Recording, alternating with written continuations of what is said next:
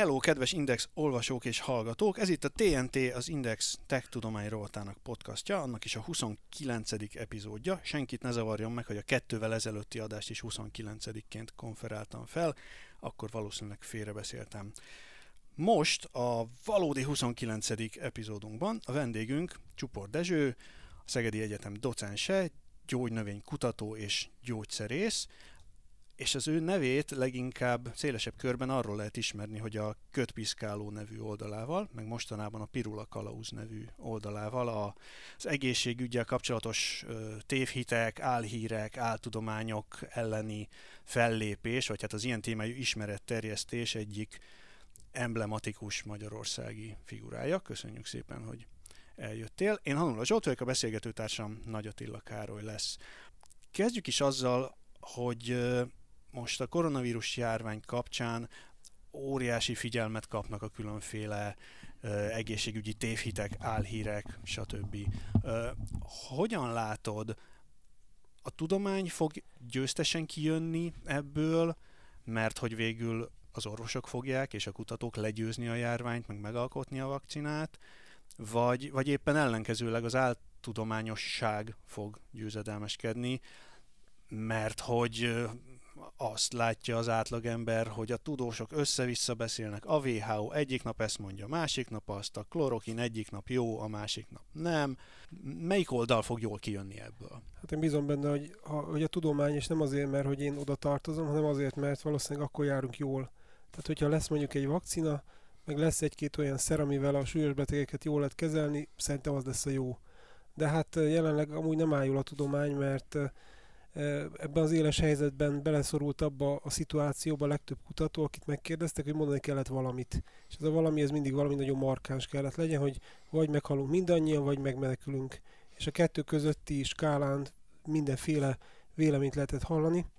Nyilvánvaló, hogy ezek egyszerűen nem fognak beteljesülni, úgyhogy egy csomó kutató az e, hitelvesztést szenved el, egyszerűen azért, mert azt gondolják az emberek, hogy na hát ez is mekkora hülyeséget mondott Jól hát nem erről van szó, hanem arról, hogy vannak különböző forgatókönyvek, amelyeknek a beteljesülése az részben rajtunk is múlik. Tehát azon, hogy mennyire tudunk hatékonyan védekezni, múlik részben a víruson, hogy mégis hogyan viselkedik például itt Magyarországon, és múlik olyan rajtunk kívülálló tényezőkön, mint például az, hogy éppen milyen védőoltásokat kaptunk, és ezeknek a szerepét se tudjuk pontosan. Tehát nagyon bonyolult az egész, csak van egy olyan közeg, amiben mindig mindenkinek valami nagyon tutit kell mondania. Az emberek ezt elvárják, és hogyha ez nem teljesül be, akkor azt mondják, hogy ez, ez se ér hozzá egyáltalán. Hiszen én a, kigugliztam, hogy nem így lesz, és nekem lett igazam.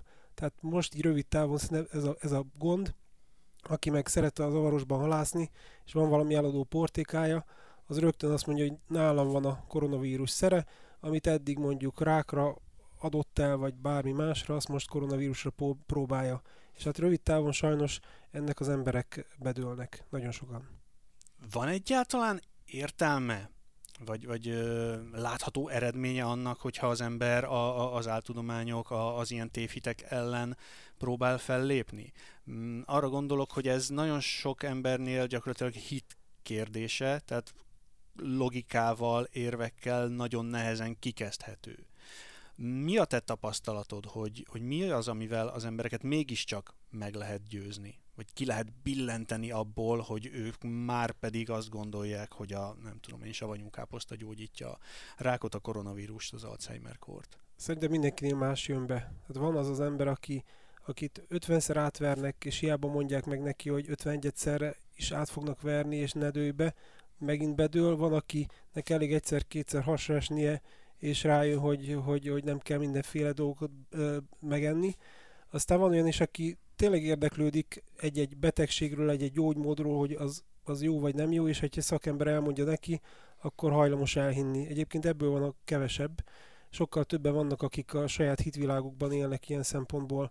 De én nem gondolom, hogy bárkit meg kell győzni, vagy, vagy meg kell téríteni, ez, ez tőlem nagyon távol áll, legalábbis ami így a tudományt illeti, mert mert szerintem az egy kutató feladat, hogyha megkérdezik, akkor érthetően próbálja meg elmondani, hogy mi van, hogy aztán azzal mit kezdenek az emberek, az már az embereken múlik. Tehát nekem nem okoz frusztrációt, hogyha tudom, hogy én vagyok a legokosabb, de senki nem hiszi el, amúgy nem is így van, de, de ha így lenne, se okozna frusztrációt, mert ha én elmondom azt, amit gondolok, amit hitelesen képviselek, a többi már nem az én dolgom.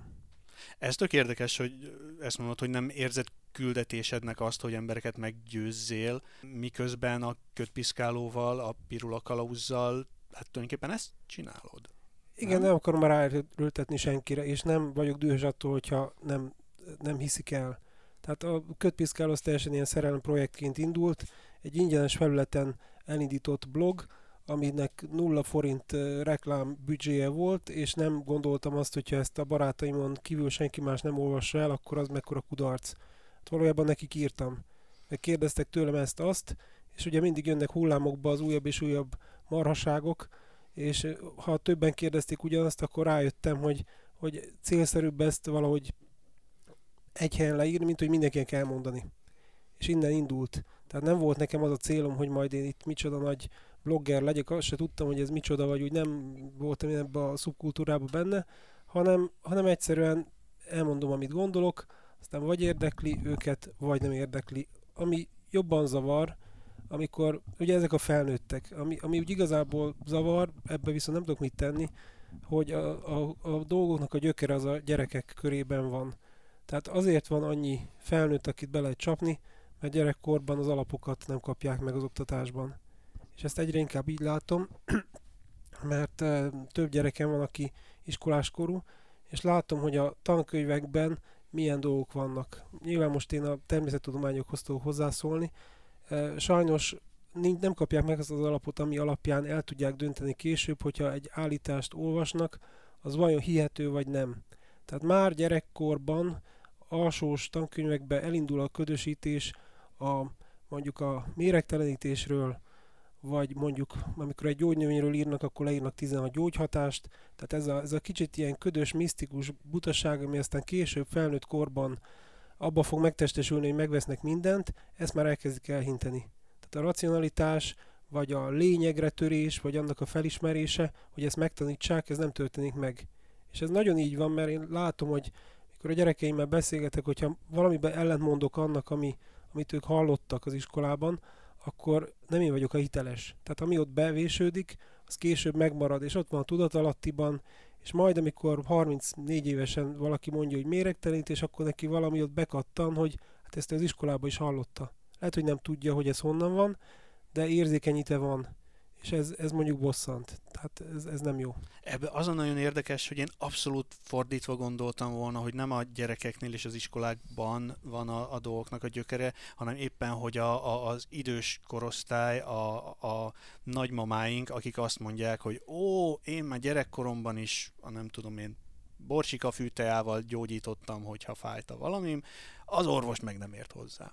E, ez, ez mennyire jellemző, hogy a, a, az idős korosztály, akik egyébként az interneten álhírekre, propagandára, ilyesmire jellemzően sokkal sérülékenyebbek a, az ilyen típusú dolgokra is? Valószínűleg igen. Ezt nem tudom objektíven alátámasztani, nincsenek felmérésem, de valószínűleg igen. De az az érdekes, hogy azok a butaságok, amik terjednek, az, azért többnyire nem régi dolgok. Tehát mondok egy példát, itt van az egyik legnagyobb hülyesség szerintem, ami mostanában terjed az elmúlt pár évben, ez, hogy a parlagfű az mindent meggyógyít. Tehát ez nem a nagymamáink korából jön, ez mondjuk egy tíz éve találta ki valaki, elkezdte hinteni, és most már mindenki tudja. És nem azért van, mert, mert az őseink így gondolták, és ezt tovább visszük, hanem ez, ez az internetnek köszönhető. És van egy pár dolog, ami, amiről azt gondoljuk, hogy ez valami jósdi hülyeség, és valójában nem, hanem valakinek a fejéből kipattant, és mint a vírus szétterjedt. De egyébként mi a helyzet a parlagfűvel? Tehát, hogy ö, annak nem lehet egy ilyen része, hogy én annak idején azt hallottam, hogy például a kecske az megeszi a parlagfüvet, és ugye milyen finom a kecske, tej, meg a kecske sajt, stb. stb. Tehát, hogy a kecskének jó, akkor biztos jó az embernek is. Ez lehet a, ez is benne a kitalációnak az alapja? Nyilván is benne van, de egyébként az, nem te, az a kecske dolog nem teljesen marhaság szerintem, mert uh, itt Magyarországon is voltak kutatások, például, hogy parlagfűvel etetett kecskéknek a teje az hogyan hat az egyébként parlagfű allergiásokra. Tehát ez maga a kérdés, az nem, az nem, nem teljesen légből kapott, csak uh, csak a, ott van a baj, amikor már csúsztatnak, amikor azt mondják, ha, ha a kecske megeszi, akkor biztos, hogy nekem is jó. Tehát ez, ez azért van egy kis különbség, de minél meglepőbb valami, annál könnyebb elhitetni. Tehát, hogyha én a, mondjuk a kamilláról akarnám elhitetni, ami egy közismert növény, hogy, hogy valami fantasztikus dologra jó, az kevésbé fogják elhinni, mint hogyha egy teljesen meglepő, egyébként kártékonynak ismert növényről kezdek el hirdetni valami fantasztikusan jó hatást. Tehát a parlagfűnek az, hogy amit tíz éve tudtunk, hogy súlyosan allergén és egyáltalán nem egészséges, ez lehetett a fordítópont, hogy na hát, de épp ellenkezőleg Hát ez a, jó. ez a valami kutya harapás szőrével logika, ez az, ez az embereknek egy részében ez is benne van, hogy, hogy hát akkor majd pont azzal gyógyítom meg magam, ami megbetegít.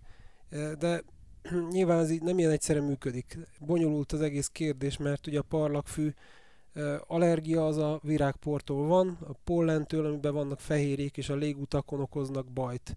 Amikor meg megesszük a növényt, akkor az általában nem tartalmaz pollent, és az meg a nyomor, meg a bélnyálkártyánkkal találkozik, tehát egészen másfajta hatások vannak, és nem is feltétlenül jók. Még akár lehetne jó is, nem tudjuk. Tehát parlagfűnél ott tartunk jelenleg, hogy, hogy alig tudunk róla valamit, kevés a tapasztalat, mert hogy mondjuk 15 éve eszik, korábban nem, tehát így a tapasztalati úton nem tudjuk azt, hogy ez mire jó, meg mennyire biztonságos.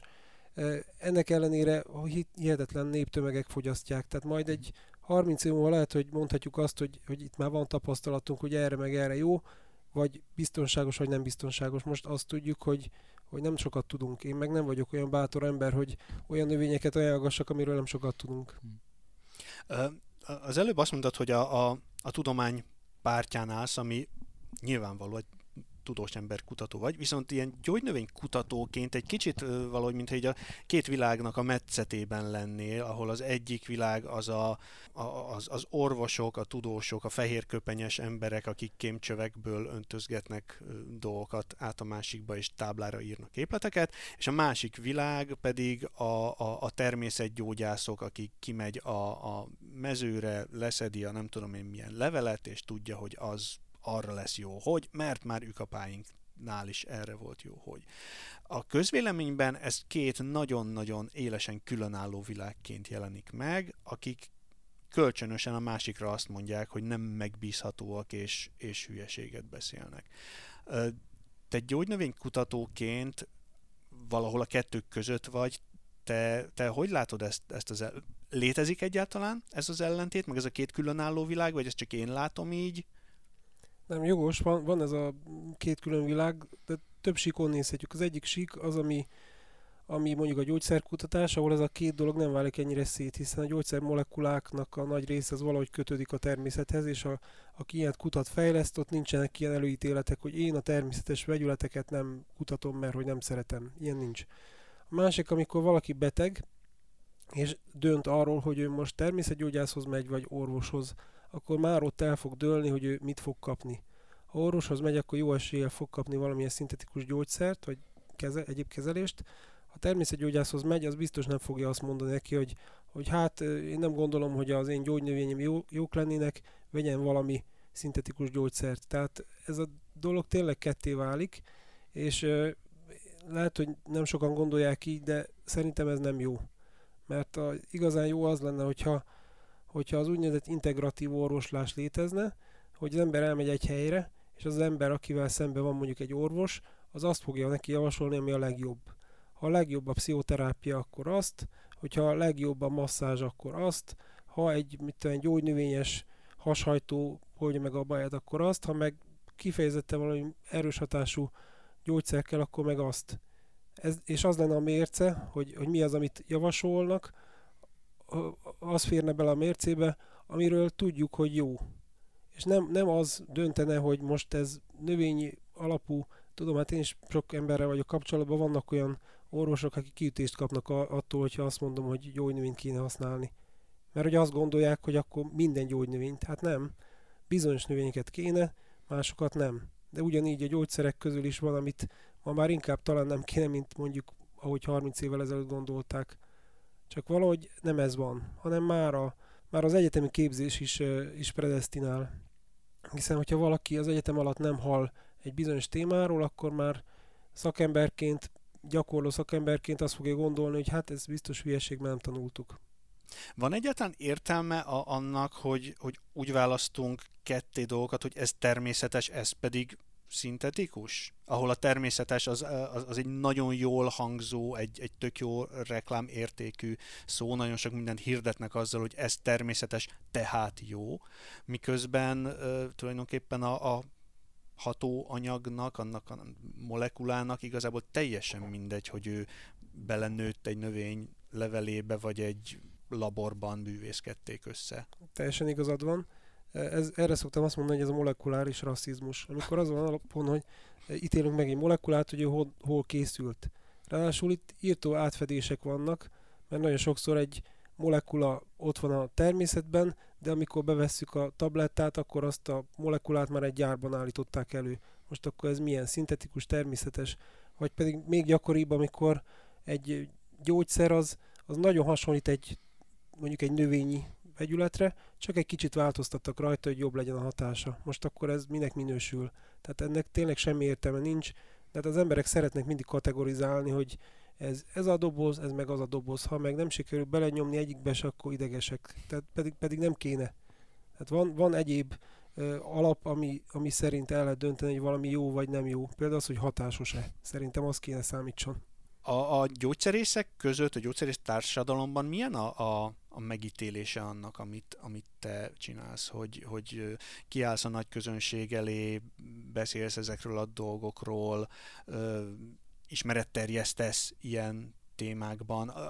Arra akarok kiukadni, hogy az orvos társadalomban elég sokan vannak, vagy hát elég hangos kisebbség, akik, akik úgynevezett homeopátiás orvosok, akik germángyógytudományos orvosok, akik tulajdonképpen olyan dolgokat csinálnak, meg árulnak, amik szöges ellentétben vannak azzal, amit ők az egyetemen tanultak.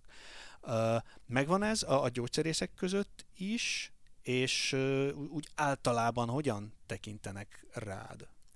Hát megvan, minden szakmában van ilyen ember, meg olyan ember, és annyiban érdekes a helyzet, hogy amit tudományosan azt mondjuk, hogy, hogy hát ez alaptalan, meg elfogadhatatlan, meg nincs értelme, mondjuk most egyszerűsítve akarom mondani, mondjuk a homeopátia, az más szempontból meg nem is annyira elutasítható. Mert ugye van a tudomány, meg van a jog. A homeopátia az Európában gyógyszerek közé tartozó termékeket jelent. És nehéz arra azt mondani, hogy, hogy én a gyógyszerek egy részét nem fogom forgalmazni. Lehet, amúgy, mondjuk én könnyen mondom, mert nem dolgozom gyógyszertárban, tehát lehet, hogy én azt mondanám, hogy, hogy én már pedig nem adok ilyen, hiszen azt gondolom, hogy ez nem ér semmit, de mégiscsak nem egy olyan könny, könnyű helyzet. Nyilván vannak olyan módszerek, meg szerek, amire azt lehet mondani, hogy hát semmilyen alapon, se jogi, se erkölcs, semmilyen alapon nem, nem állok melléjük, de szóval néha ez kicsit bonyolult.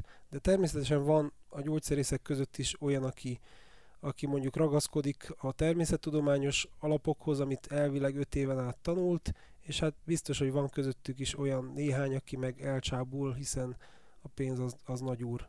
Arra részre meg, hogy hogy ítélik meg a, az én ténykedésemet, nem tudom, de annyiban talán könnyű a helyzetem, hogy eleve a gyógyszerészet az egy ilyen interdisziplináris valami, ami a kémia, biológia, orvoslásnak a határán, meg még a vegyipar is kicsit benne van, meg a gyógyszergyártás miatt az ilyen mérnökség is kicsit benne van, tehát a gyógyszerészek szerintem azok az átlagnál talán nyitottabbak, tehát elfogadják azt, hogy, hogy van egy ilyen ember is, aki, aki ilyeneket magyaráz. Vannak egyébként ebből nem a, a szakmán belül, hanem ö, azon kívül konfliktusaid? Úgy értem, hogy ha, ha teszem azt leírod a, a kötpiszkálon, hogy a, a lúgosító diéta az egy hülyeség, és nem működik, és ezek meg ezek meg ezek a dolgok bizonyítják, hogy ez nem működik, akkor az ilyen bizniszben érdekelt emberekkel nyilván te valamilyen szintű konfliktusba kerülsz. Volt már, hogy nem tudom én, megfenyegettek, megpróbáltak korrumpálni, ilyesmi? Fenyegetés nem volt. Ez lehet, hogy azért van, mert már még fenyegetni fenyegethetnének, az nem kell különösebb alap, elég, hogyha valaki ideges. Olyan nem volt, hogy be akarják perelni. Szerintem az azért lehetett, mert olyanokat nem szoktam írni, hogy szerintem ez hülyeség. Mert így, tehát ne, nem szerintem van valami, hanem vagy bizonyítva van, vagy nincs, és én ezt írom le. A korrumpálás olyan már volt, olyan már volt, hogy hogy egy olyan terméket is forgalmazó cég, akivel kapcsolatban én írtam egy írást, az a zsebemben nyomott egy, egy borítékot, ami teljesen döbbent volt. Hú, ami- na er, erről részleteket mesélj, mert ez nagyon jól hangzik. Ho, hogy így, így annyira megkeresett nem az fog- egyetemen valaki, és Nem, az egy rendezvény volt, ez egy nyilvános Aha. rendezvény volt, és szóba elegyedtünk, és látszólag olyan oldott volt a hangulat, amin én meg is lepődtem, hiszen azt hittem, hogy esetleg haragszik, de nem, és akkor egy óvatlan pillanatban elköszönt, és a zsebemben nyomott egy borítékot, amin én megdöbbentem, mert nem voltam még ilyen helyzetben, hogy milyenkor mit kell csinálni. Hát én bemenekültem a mosdóba, hogy megnézem, mi van ebben a borítékban. Láttam, hogy van benne némi pénz, aztán az lett annak a sorsa, hogy megkerestem, hogy ki, ki volt a kézbesítő, és az ő címére postán a pénzt feladtam. Úgyhogy még rá is fizettem, mert az ilyen, az volt az éle, egyetlen ilyen rózsaszín csekkes sztori az életemben, nem tudtam, hogy Értékegyeztetés alatt ad fel. hát valamennyit rá kellett fizetni az Figyelem, összeg. postás úr, egy millió forint van benne. É- Nem, nem, nem, hanem befizettem, és az ő Ja, címére ja, kikö... ja, ja, jó. Hát igen, ilyen, ilyen volt, ez meg, meglepő volt az én életemben, de Azt megkérdezhetem, hogy gyógynövénykutatóként, gyógyszerészként konkrétan mivel foglalkozol? Tehát esetleg konkrét példákkal? Ha? igen, nehéz egy darab konkrét példával, mert ahogy a, a publikációs, a magyar nyelvű publikációm és mindenről szólnak, én a kutatásban is kicsit ilyen vagyok, hogy van egy probléma, ami izgat, de az meg egy tág. Az a probléma az, hogy a növényeknek a hatásossága, biztonságossága, és ebbe aztán sok minden belefér. Volt olyan kutatás, ahol azt néztük meg, eh, hogy mondjuk a Mária tövisben mennyi réz van, mert hogy van egy kedves ismerősöm, akinek egy olyan betegsége volt, egy eh, ilyen genetikai alapú betegség, ahol ez fölmerült kérdésként, ő májvédőként kapta a Mária tövis kivonatot, és fölmerült, hogy lehet, hogy ez nem is biztosan jó neki. És akkor elkezdtük nézni, hogy ez mitől függ, hogy, hogy mennyi van magában a növényben, és aztán, hogyha abból termék lesz, akkor a réz még mindig ott van-e. És például ott kiderült egy teljes érdekes dolog, hogy, hogy van olyan Mária tövis készítmény, aminek kifejezetten magas a résztartalma, és hogyha egy ilyen Wilson kóros beteg azt a terméket kezdi szedni, nem hogy megvédeni a máját, hanem károsítja. Tehát ez egy konkrét probléma volt, aminek utána néztünk, amiből kutatás lett, amiből cikk lett, és, és ennek szerintem még haszna is van, mert lehet, hogy néhány Wilson kóros a világon majd emiatt fog mondjuk májkárosodástól megmenekülni. Aztán van nagyon sok olyan vizsgálat, ahol kémiai vizsgálatoknak vetünk alá növényeket, akár azért, hogy gyógyszer, potenciális gyógyszervegyületeket nyerjünk ki belőlük, nézzük meg, hogy mi a hatóanyag, az hogyan hat, az hogy lehet hasznosítani, és akkor vannak olyan kutatások, ahol pedig egész kifejezetten hatást nézünk. Tehát mondjuk egy közismert növényről megpróbáljuk megvizsgálni, hogy az a hatás, amit róla gondolnak, az létezik, vagy csak valamilyen képzelődés, és aztán olyan is van, amikor pedig a biztonságosságot nézzük, mondjuk parlagfű, mint említett példa, hogy ha beadjuk állatnak, azzal valami fog történni. Tehát nem, nem lehetne azt mondani, hogy én a, mit tudom én, a pitypangot kutatom, és akkor minden F körülött van, hanem, hanem van egy probléma az én fejemben, hogy az emberek hasznosan és biztonságosan használjanak növényeket, és ez aztán nagyon sok apró altéma kapcsolódik. Ez nekem azért is fontos kérdés, mert ö, nekem az édesapám volt ilyen nagy gyógynövénygyűjtő, teljesen laikus módon, és mindenféle könyveket gyűjtött be, amiket te biztos ismersz, én annyira nem, azokból tájékozódott. Korábban ő, neki voltak mindenféle egészségügyi problémái, akkor a orvosok kezelték, aztán jött nála egy valahogy ilyen átfordulás, és elkezdett gyógynövényeket gyűjteni. Nagyon sokat ment így a kis bicikliével, városon kívül hozta a kerekreként, a kecskefüvet, a bocát, a gyermekláncfüvet, és ő mindig azt csinálta, hogy ilyen teákat főzögetett magának belőle, mindenféle obskurus recepteket olvasott valahol, nem interneten egyébként, tehát ő nem volt még a modern kornak a gyermeke, és nagyon sokáig reggel este gyógyteja, mindenféle ilyen keverékekből, tényleg ilyen elképesztő sötét színű katyvaszok voltak ezek, és akkor pár évvel ezelőtt neki lett egy ilyen agyér vagy ilyen nyakér katasztrófája, szerencsétlen állapotba került. Nekem van egy ilyen elképzelésem, hogy esetleg az lehet el mögött, hogy ő gyakorlatilag félrekezelte magát ezzel a laikusként. Hát, Fogyasztott rengetegféle gyógynövény. hát az elképzelhető sajnos, mert ugye ezeknek a növényeknek azért van hatása. és hogyha valamit folyamatosan szedünk úgy, hogy az a hatás mondjuk káros, akkor annak előbb-utóbb van következménye. Tehát ilyen, ilyen eseteket azért a szakirodalomban bőven ismerünk. Mhm. Például volt olyan, hogy egy elég ismert Magyarországon is jelenlévő MLMS gyógynövényes cégnek a termékeiről írták azt, hogy hogy májkárosítóak, és akkor erről volt egy pár cikk, és az elején fölkapták, hogy húha, milyen veszélyes, és kiderült, hogy olyan embereknek lett májkárosodása, akik ilyen 10-12-17 terméket ettek napi rendszerességgel.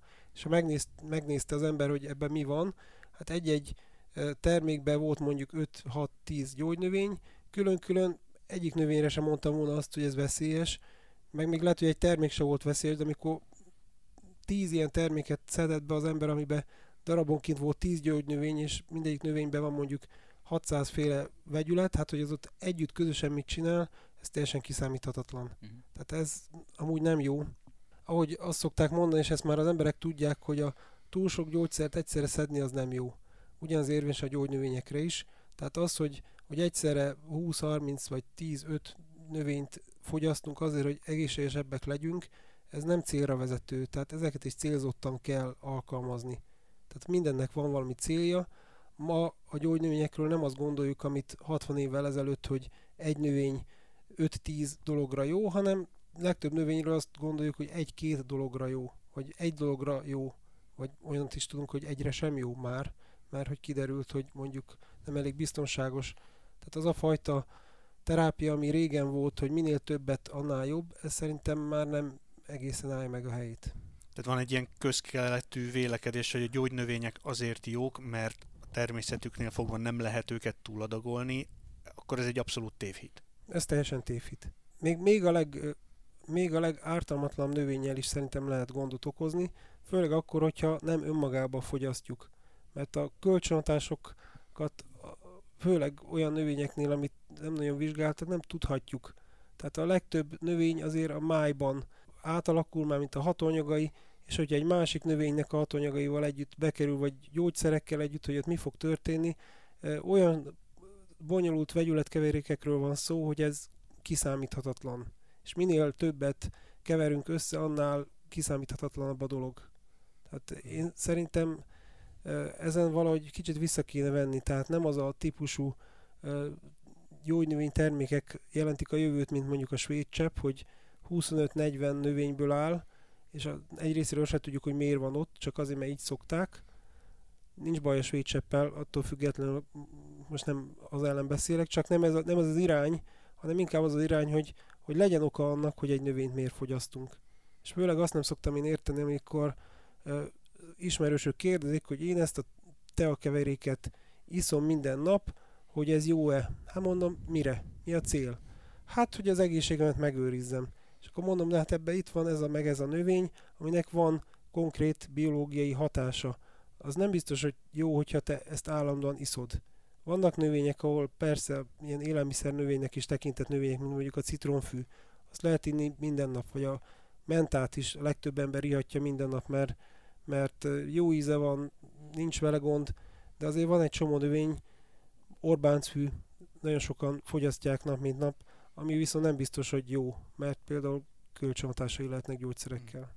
Az előbb itt nekem azon állt meg az agyam, hogy mondtad, hogy megvizsgáltatok egy konkrét kereskedelmi forgalomban kapható embereknek ajánlott ö, növényi kivonatot, és arra jutottatok, hogy ebben túl sok a réz, és az ilyen meg ilyen meg ilyen bajokat okozhat.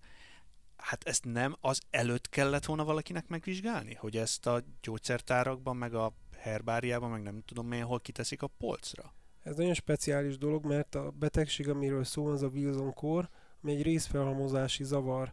Ezek az emberek, akik ebben szenvednek, ez egy genetikai betegség, ők, az ő szervezetük nem üríti jól ki a rezet, és a réz elkezd felhalmozódni, az idegsejtjeiket károsítja meg, főleg a májat. Ez egy átlagembernél semmi gondot nem jelent, de nekik amúgy is réz szegény diétát kell fogyasztani, olyan gyógyszereket kapnak, ami a réznek a kiürülését segíti. Na náluk lehet ez gond, mert bizonyos májvédőként javasolt termékekben annyi volt a réz körülbelül, mint az ő napi étrendjükben. És azt a rezet, az nekik nem jó. Egy átlagembernek teljesen mindegy, mert kiürül, tehát mi kiürítjük. De egy ilyen beteg, amiből szerintem Magyarországon van talán pár tucat, nem több, neki viszont kifejezetten veszélyes lehet. Tehát ez egy nagyon réteg probléma. Akkor egy kicsit általánosabban Igen. kérdezem. Az, hogy Magyarországon étrend kiegészítő címen lehet dolgokat forgalmazni, amik uh, ugyan nem úgy vannak hirdetve, hogy ez gyógyszer, de akik megveszik, azok azért veszik meg, mert úgy gondolják, hogy ez az ő egészségének jó. És eközben ezek a szerek nagyon kevéssé vannak ellenőrizve, tesztelve, biztonság ellenőrizve, stb. Ez, ez, ez hogy lehet? Tehát, hogy, hogy gyakorlatilag étrend kiegészítőként én eladhatom a csapvizet is, mert hát ártani nem árt, és mondhatom rá azt, hogy, hogy ez nagyon jótékony hatással van a mindenféle értani funkciókra, 6000 forint per liter. Na, majdnem így van. Ami egyedül korlátozó az, hogy mit, mit írhatsz rá. Tehát csapvizet el lehet adni biztos étrendkiegészítőként, csak ezt nem írhatod rá. De erre meg megvannak a módszerek, akik ezzel élni akarnak, meg visszaélni, azok szerveznek olyan reklámkampányt, hogy, hogy nem a saját honlapon mondják azt, hogy ez a csapvíz ez meggyógyítja a rákot, hanem egy látszólag független honlapon ilyen fogyasztói véleményekként jelenik meg, és akkor az üzenet ugyanúgy átjut. Tehát az, hogy mit lehet ráírni egy étrendkiegészítőre, az elvileg korlátozva van. Az, hogy mi lehet benne, mennyi lehet benne, ez viszont tényleg eléggé szabadra van hagyva. Most, hogy ez miért van így, van, nekem két elképzelésem van. Az egyik, hogy a, a jogalkotók vagy nagyon naivak voltak, vagy pedig, vagy pedig nem. Lehet, hogy inkább az utóbbi. Ez uniós szinten van így ez a helyzet, nem csak nálunk, mert hogy ezt uniós jogszabály szabályozza az étrendkiegészítők forgalmazását, és abból indul ki, amit nem gondolnánk sokan, hogy az étrendkiegészítő az élelmiszer. És hogyha élelmiszerről van szó, akkor nem kell azt túl bonyolítani, hiszen a valaki itt a Kolosi téren kenyeret süt, annak se kell bevizsgáltatni meg semmi. Tudjuk, hogy mi az, hogy kenyér, ha ő azt úgy nagyjából úgy csinál, akkor kész. Az étrendkiegészítő is jogilag élelmiszer, és ezért egy ilyen viszonylag egyszerű módon próbálták segíteni, hogy ezek a termékek piacra kerüljenek. A dolog ott siklott ki, hogy, hogy élelmiszerbe bekerültek olyan növények, egyéb hatóanyagok, amelyeknek hát ugye az étrendhez nem sok közük van. Most egy példát megint mondok, mondjuk ginkgo biloba levél.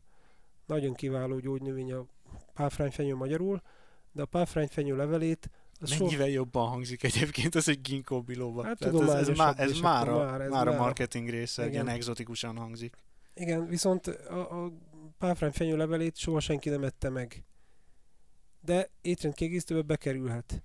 Tehát az étrend kiegészítő, hogyha elvi oldalról nézzük, akkor nekem az az étrend kiegészítő, hogyha valamit az étrendben én nem akarok megenni, akkor azt kiegészítem mondjuk egy tablettával, mondjuk nem szeretem a, a spenótot, de mégis szeretnék luteint fogyasztani, hogy védjem a szememet, és akkor beveszem a tablettát. Tehát ez az étrendkiegészítő, vagy C-vitamint nem szeretem a gyümölcsöket, de akkor C-vitamint beveszem. De amikor olyan növények jönnek be az étrendkiegészítőkbe, mint az egynyári üröm, és az emberek azért veszik meg, hogy a rákjukat meggyógyítsák, az már nekem nem étrendkiegészítés, de jogilag mégis ez lehetséges. Tehát ez szerintem egy probléma, és ez egy olyan szellem, ami már kijött a palackból, és nem lehet visszanyomni, mert hát csak Magyarországon 20 ezer termék van, több 10 milliárd forintos piac, most képzeljük el ezt Európai Uniós szinten, tehát ezt így megszelidíteni nem nagy esélyt látok rá, főleg úgy, hogy amikor ez 2000 körül elkezdődött, akkor, akkor viszonylag kevés termék volt, és olyan cégek voltak ebbe érdekeltek, akik nem nagyon tőkeerősek jellemzően, főleg a gyógyszeriparhoz képest. Ma meg már a gyógyszeripar is ott van az étrendkiegészítő bizniszben, tehát innentől kezdve azt mondani, hogy akkor holnaptól ezt így megszüntetjük, mert nem jó, ennek nem sok esélye van. Pedig vannak részei, amik jók, de van, ami egyértelműen nem jó. És az, hogy a gyógyszeripar beszállt az étrend kiegészítőkbe, az nem igazából egy jó fejlemény? Bizonyos szempontból igen, mert a gyógyszeriparnak van egy standardja, és attól nem fog eltérni akkor se, hogyha étrendkiegészítőt gyárt. Tehát, hogyha a gyártó soron egy hétig étrendkiegészítő készül, akkor az nem azt jelenti, hogy akkor egy hétig igény, igénytelenkednek, hanem akkor ugyanazt viszik tovább. Meg ebből még az is kijöhet, hogy egy idő után mondjuk a gyógyszeripar azt mondja, hogy hát azért milyen dolgok vannak már ebbe az iparágba, és nekik van lobby erejük ahhoz, hogy, hogy valamelyest a, a, a szabályozás az változzon. Tehát a, csúnya ezt mondani, de a jogszabályok azért nagyon sokszor így alakulnak, hogy ki hogy lobbizik ezért. Mm. Tehát, hogyha szigorítás lesz mondjuk a gyógyszeriparnak a hatására, az lehet, hogy részben rossz, de lehet ennek előnye is. Mm. Tehát ezt én nem vagyok se gyógyszeripar, se jós nem vagyok, hogy jövőbe lássak, de, de az, hogy a gyógyszeripar ott van, és nem is Magyarországon, de európai szinten nagyon komoly gyárak ott vannak az étrendkiegészítő piacon, lehet, hogy ez majd a jövőben hoz pozitív változást is.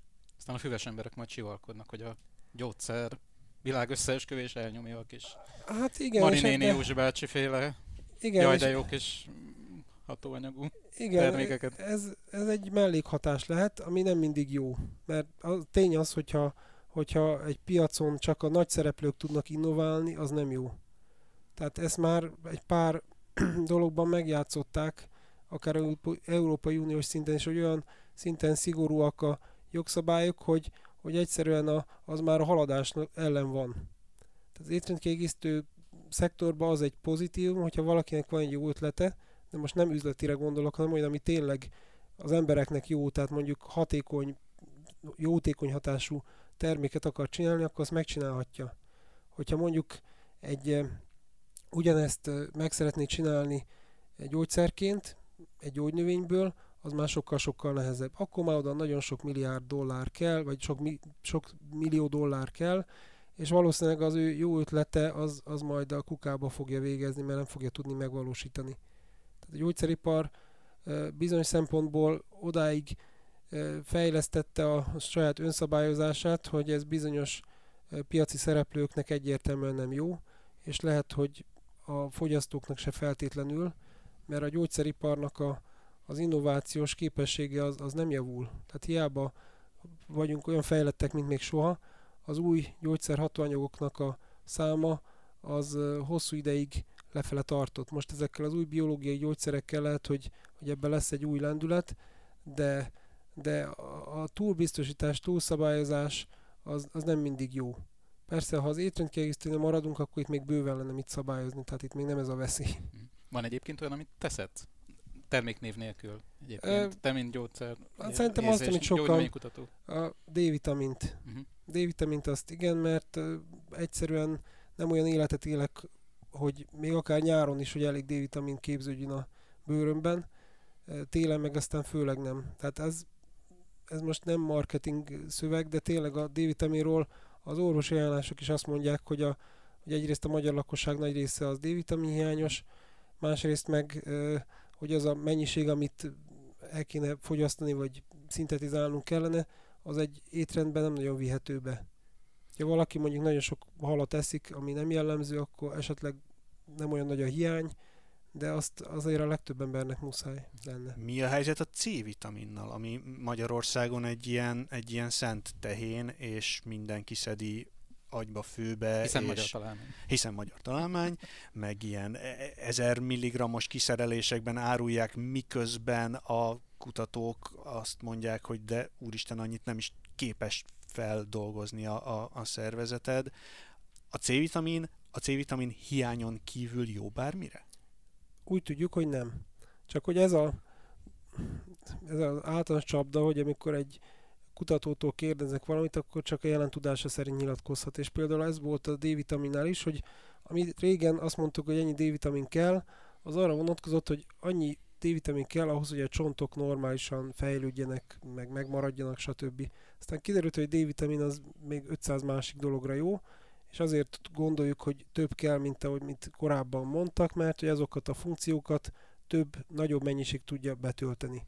Az, a C-vitaminnál viszont csak azt tudjuk, hogy kell az immunrendszerhez, meg kell az ízületekhez, meg a kötőszövetekhez, és arra nagyjából tudjuk, hogy ez az ilyen 100-200 mg, különböző ajánlások vannak, de hogy nagyjából ez a nagyságrend szükséges. Más meg azt mondja, hogy ennél jóval több kell, mert az immunfunkciót ahhoz, hogy jól tudjuk produkálni, ahhoz már inkább 500, meg 1000, meg 2000 mg kell. Na ez az, amit én jelen tudásom szerint azt mondom, hogy egy átlagembernél ez nem érvényes.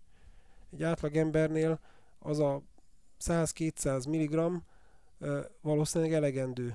Van egy egész sorvizsgálat a C-vitaminnal kapcsolatban, mert hogy ugye a C-vitaminnak a, a szóvivői azok nagyon neves emberek voltak, főleg Linus Pauling, egy Nobel-díjas kutató volt, ráadásul két Nobel-díja volt, de Nincs azért, is nagyon más ilyen tudós, aki két Nobel-díjat nem kapott. tudok róla én se. Igen. De azért azt hozzátenném, hogy egyiket se C-vitaminra. Az egyiket elméleti kémikusként, másikat meg béke Nobel-díjként kapta.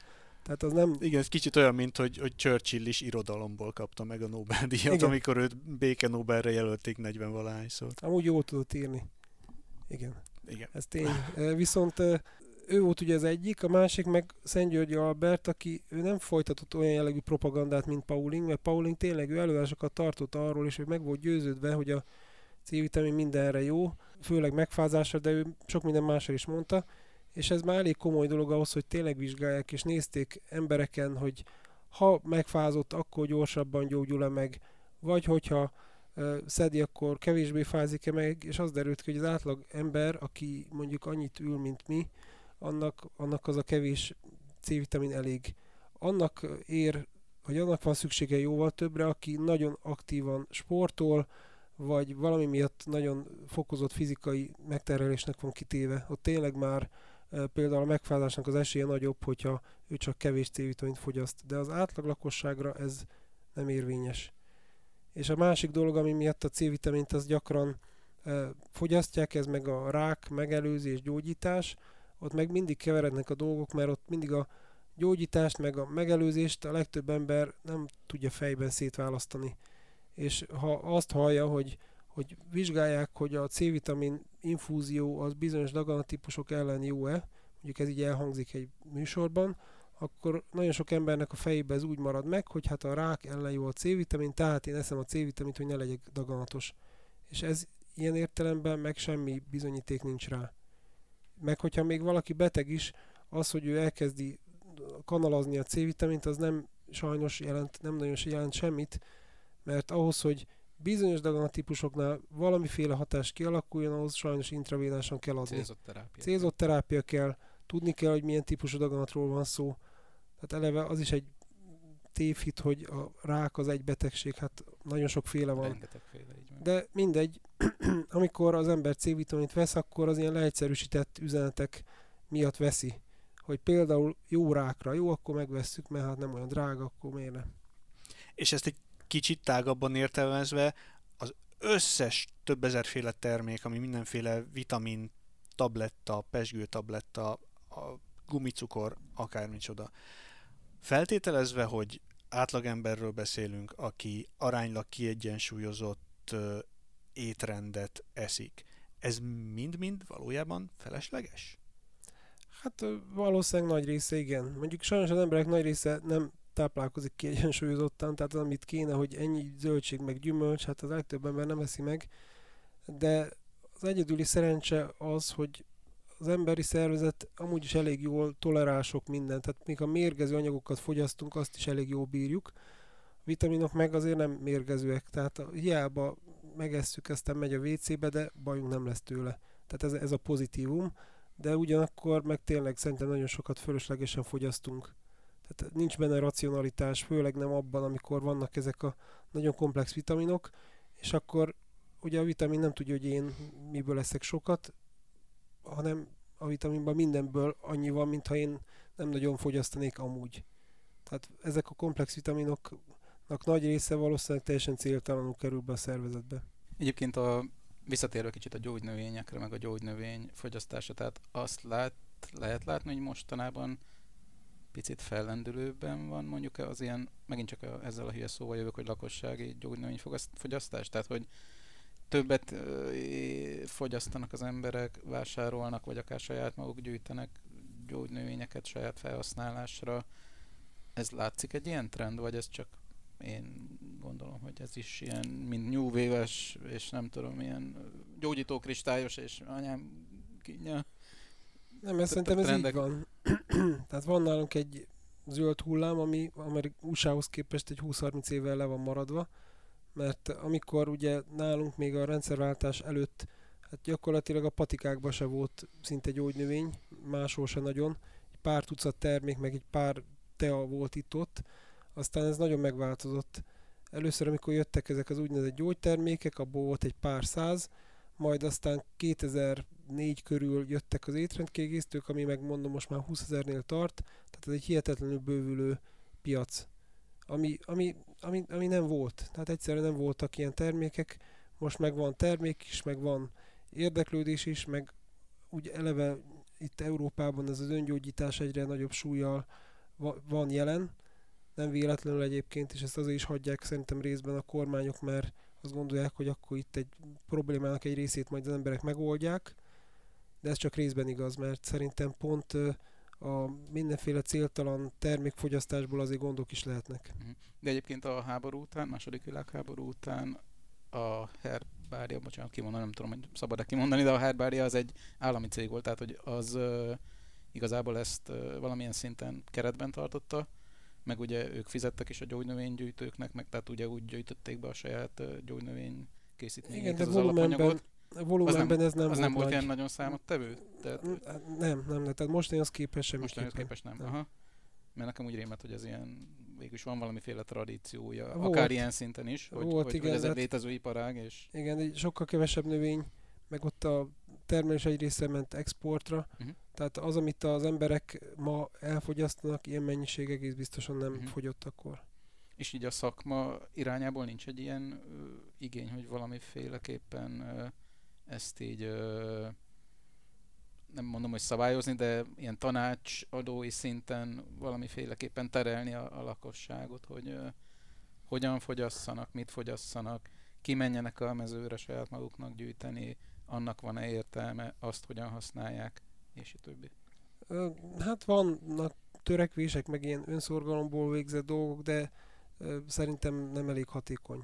Tehát nincs ennek intézményesített formája. Úgyhogy, úgyhogy ezek a törekvések nem, nem elég hatékonyak. Nekünk is van egy weboldalunk, ami kifejezetten gyógynövényekről szól, és ott próbálunk szakszerű dolgokat írni, de mondjuk a látogatottsága a, azokhoz a nagy weboldalakhoz képest, ahol meg hülyeségeket írnak a gyógynövényekhez, gyógynövényekről, ez semmi. Uh-huh. Tehát az impact, amit, amit ki lehet fejteni egy, egy higgadt kommunikációval, meg, meg egy olyannal, ami azt mondja, hogy ez mindent meggyógyít, az egészen más. Igen, mondjuk egy százezres Facebook csoporttal nehéz Igen. versenyezni. Igen. Ha valaki úgy gondolja, hogy neki tök szimpatikus ez az egész gyógynövényes díj, és szeretne kijárni az erdőbe szedni ilyen füveket, vagy otthon a kis kertben a, a fűszernövények mellett ilyesmiket is termeszteni, honnan tud úgy tájékozódni, ami nem az, hogy beírom a Google-be, meg megnézem a minden egyben blogon. Hogyan, honnan tud ő teljesen hiteles információkat szerezni ma arról, hogy, hogy milyen gyógynövény tulajdonképpen mire jó, mi az, amivel effektíven megmérgezi magát, mi az, amit mondtad, hogy citromfüvet azt lehet kilószámra, hogy ö, honnan lehet hiteles információkat beszerezni most ezekről? Mondtad, hogy még az iskolai tankönyvek is borzasztóak. Igen. Azért nem egyszerű válasz, mert itt is két dologról van szó. Az egyik, hogy fölismerjük a növényt, másik meg tudjuk, hogy mire jó. És nagyon sokszor az embernek csak az egyik van meg. Tehát so, én is ismerek sok embert, aki nálam sokkal jobban ismeri a növényeket. Tehát kimegyünk a mezőre, valószínűleg sokkal többet meg tud mondani, mint én.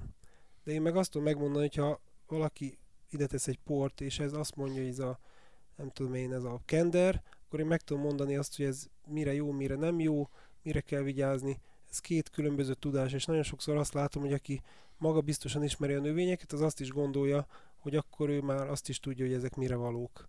Tehát ez, ez, egy, ez egy csapda, azt gondolom, de nem könnyű. Tehát, hogyha arra gondolsz, hogy, hogy van-e olyan tanfolyam, ahová beiratkozol, és Ilyesmire Kiképeznek. gondolok, igen. Ilyen nincsen. Tehát több tanfolyamról tudok én is, de olyan fajta komplexitás, hogy, hogy megtanulja azt is, hogy melyik növény micsoda, és utána azt is tudja, hogy az racionálisan hogy alkalmazható, ilyen, ilyen nem nagyon van.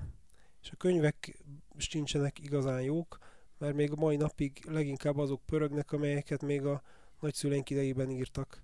És még már a túlhaladottak. Ronvári, ami nagyon jó volt abban az időben, a 60-as években, de hát az már nagyon régen volt, tehát nem pobedával járunk.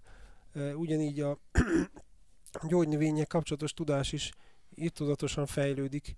Tehát nem, nem gondoljuk azt, hogy ami 60 évvel ezelőtt érvényes volt, az ma is érvényes. Van, ami igen, más része már nem, meg vannak hozzá újabb ismeretek, csak az emberek valamire ezt nem gondolják, azt gondolják, ó, a gyógynövény ez egy régi dolog, az, amit régen tudtak, hát nem, ez nem így van. Tehát írtó gyorsan változik. És azok a könyvek, amelyeket ma is a legtöbb ember forgat, a Mária Trében, vagy, a, vagy a, akár a, a na, most mondtam, Rápódironvári, ezek nagyon régi dolgokat tartalmaznak. Ez nagyon-nagyon fura, hogy, hogy miközben magukra a gyógynövényekre óriási és növekvő kereslet van, addig a gyógynövényekkel kapcsolatos tudásra ezek szerint nincsen? Az nem egy piaci rés? De, de, de van, de hogy nem. Hát nekünk is van gyógynövés könyvük, amit utánnyomtak és újra és újra elfogy. Csak valószínűleg sokkal többen olvassák mégis azt, ami, ami már régebbi, ami újra és újra kiadásra kerül. Ez nem biztos, hogy baj, a baj inkább az, hogy, hogy az emberek ez nem gondolkodnak el, hogy, hogy az, hogyha egy könyv régi információkat tartalmaz, akkor az már lehet, hogy nem helytálló. Uh-huh. Tehát nem, nem, ők nem egy ilyen ö, történeti érdekességként olvassák mondjuk a Mária Trében nagyon sokan, hanem úgy gondolják, hogy ami ott recept van, akkor az úgy is van. Pedig hát sok minden nem úgy van már. Ez a Mária Treben könyv, ami nálunk is megvolt otthon, és ez volt így a igen. A, re- a receptúrásnak a forrása. Legutóbb kiadták, nem tudom, öt, nem, öt éve körülbelül, akkor ö, fölkértek, hogy, hogy lektoráljam. És hát vissza kellett utasítani, mondtam, hogy én ezt újra írnám, tehát de akkor az már nem Mária Trében. Tehát nem lehet lektorálni valamit, ami olyan meredek dolgok vannak, hogy egyszer csináltam már egy ilyet, azzal megszívtam, hogy egy kiadó kiadott egy amerikai szerzőnek egy könyvét, amiben minden egyes tünetre négy típusú javaslat volt, és az egyik volt a növények. És akkor, hogy ezt fordítsam le. És a vége az lett, hogy újraírtam, és megegyeztek az amerikai kiadóval, hogy hogy oké, okay, ők hozzájárulnak, hogy ez a magyar változatban ne azt jelenjen meg, mint az amerikaiban, mert, mert annyira hülyeségek voltak. Na, ezért már és átdolgozott kiadás. Igen, igen, igen. Fordítóként szerepeltem, de mondom azt a részt, azt egy az egybe újra kellett írni. És a Mária Tribennél is ez van, hogy túl sok a sallang. De ő nem volt egy rossz szándékú asszony, csak hát már 40 éve meghalt, és nyilván az előtti információkat rögzített. Hmm.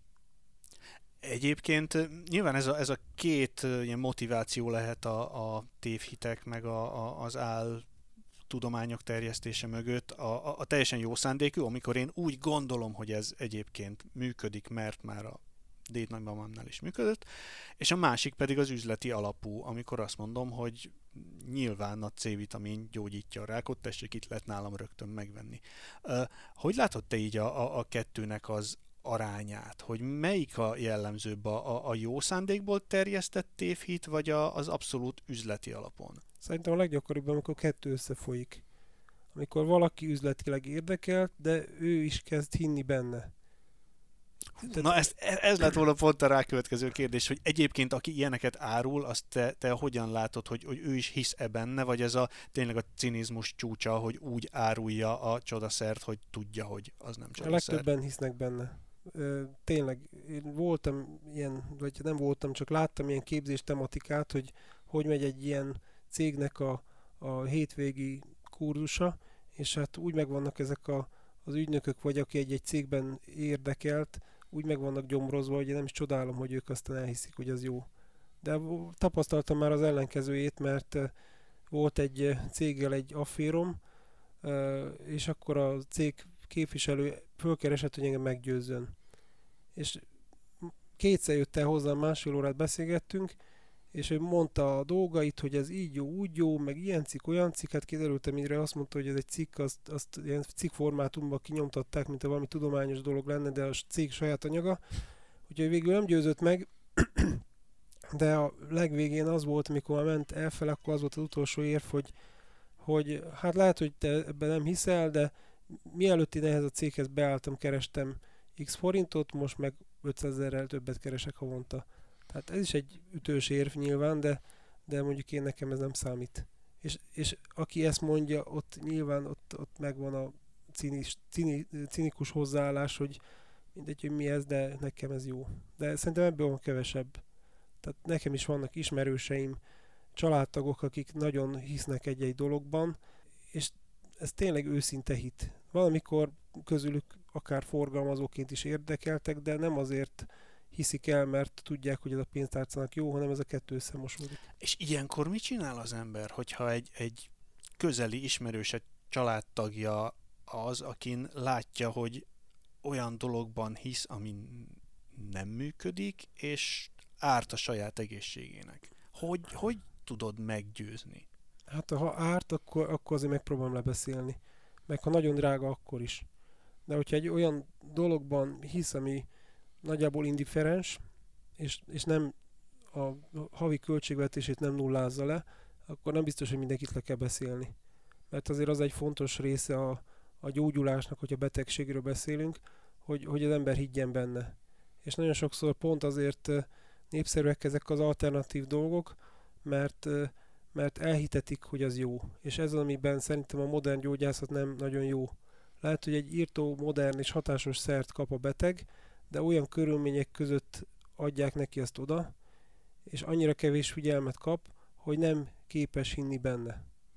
Tehát, hogy 23. a sorban, belökik az ajtón, rá se néznek, írnak egy papírt, elmegy a patikába, odaadják, hazamegy, beveszi, és nem kötődik a szerhez. És ezt tudom, hogy kicsit ilyen misztikusnak tűnik, de valójában nem az, mert ezt az elég alaposan kutatták, hogy hogyha megvan a gyógyulásba vetett hit, akkor sokkal nagyobb az esély arra, hogy ott tényleg történjen valami. De hogyha valakinek ez a hit nem az ő modern gyógyszerében van meg, hanem a mondjuk, mit tudom én, Kamilla teába, abban nagyon hisz, akkor én nem fogom azt mondani, hogy, hogy akkor hagyjad már abban, mert ez nem ér semmit, hanem, hanem bizonyos dolgokat rá lehet hagyni. Szedje csak szépen a hatásos gyógyszert, így mellé a Kamilla teát, higgyen abba, hogy ő meg fog gyógyulni, és akkor ez a kettő együtt így, így talán jó. De Tehát... akkor, hogyha tudom, hogy, hogy mondjuk ez a májának nem jó, vagy pedig tudom azt, hogy most emiatt neki 50 ezer forintot húznak ki a zsebéből havonta, és, és neki nincs 50 ezer forintja, akkor meg kell mondani, hogy, hogy akkor inkább vegyél napi egy kiló almát, vagy felet, és azt tedd meg, mert többet teszel vele az egészségedért. Tehát ez mindig, mindig esetenként, meg, meg emberenként, meg pszichés állapotot figyelembe véve nem könnyű ügy. Beteg az mindig egy speciális lelki állapotban van.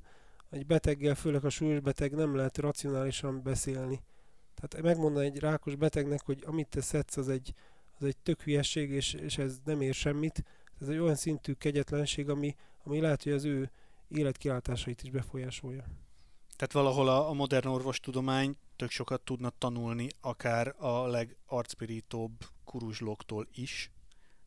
Ez biztos, tehát kommunikációban igen, mert nagyon sokszor az vonza be az embereket, hogy van, szánnak rá időt, figyelnek rá, ez nincs a modern gyógyászatban, és ez nem az orvosok a hibásak, tehát amikor hatalmas várólisták vannak, és az emberek a, a folyosón verekednek, hogy bejussanak, akkor nagyon nehéz ott relaxáltan leülni és kikérdezni Józsi bácsit, pedig lehet, hogy neki azt nagyon kéne, hogy valaki szakember meghallgassa, hogy, hogy neki mi baja van. Mhm. Hát ezzel meg is oldottuk a magyar és a világ egészségügyének összes problémáját. De ha, ha, ha egy tanulság ebből lejött, akkor az talán az, hogy ne akarjunk mindenkit mindenáron meggyőzni, csak azokat a konfliktusokat vállaljuk fel, amiknek tényleg az ember egészsége vagy a pénztárcája nagyon komolyan a tétje. Valahogy így, igen. Hát köszönjük szépen Csupor Dezsőnek, hogy köszönjük. itt volt köszönjük nálunk. Minket meg lehet találni továbbra is az Indexen, a Spotify-on és az iTunes-on. Legközelebb két hét múlva ugyanígy vasárnap jelentkezünk. A téma legyen meglepetés, főleg azért, mert még számunkra is az. Viszont hallásra, sziasztok!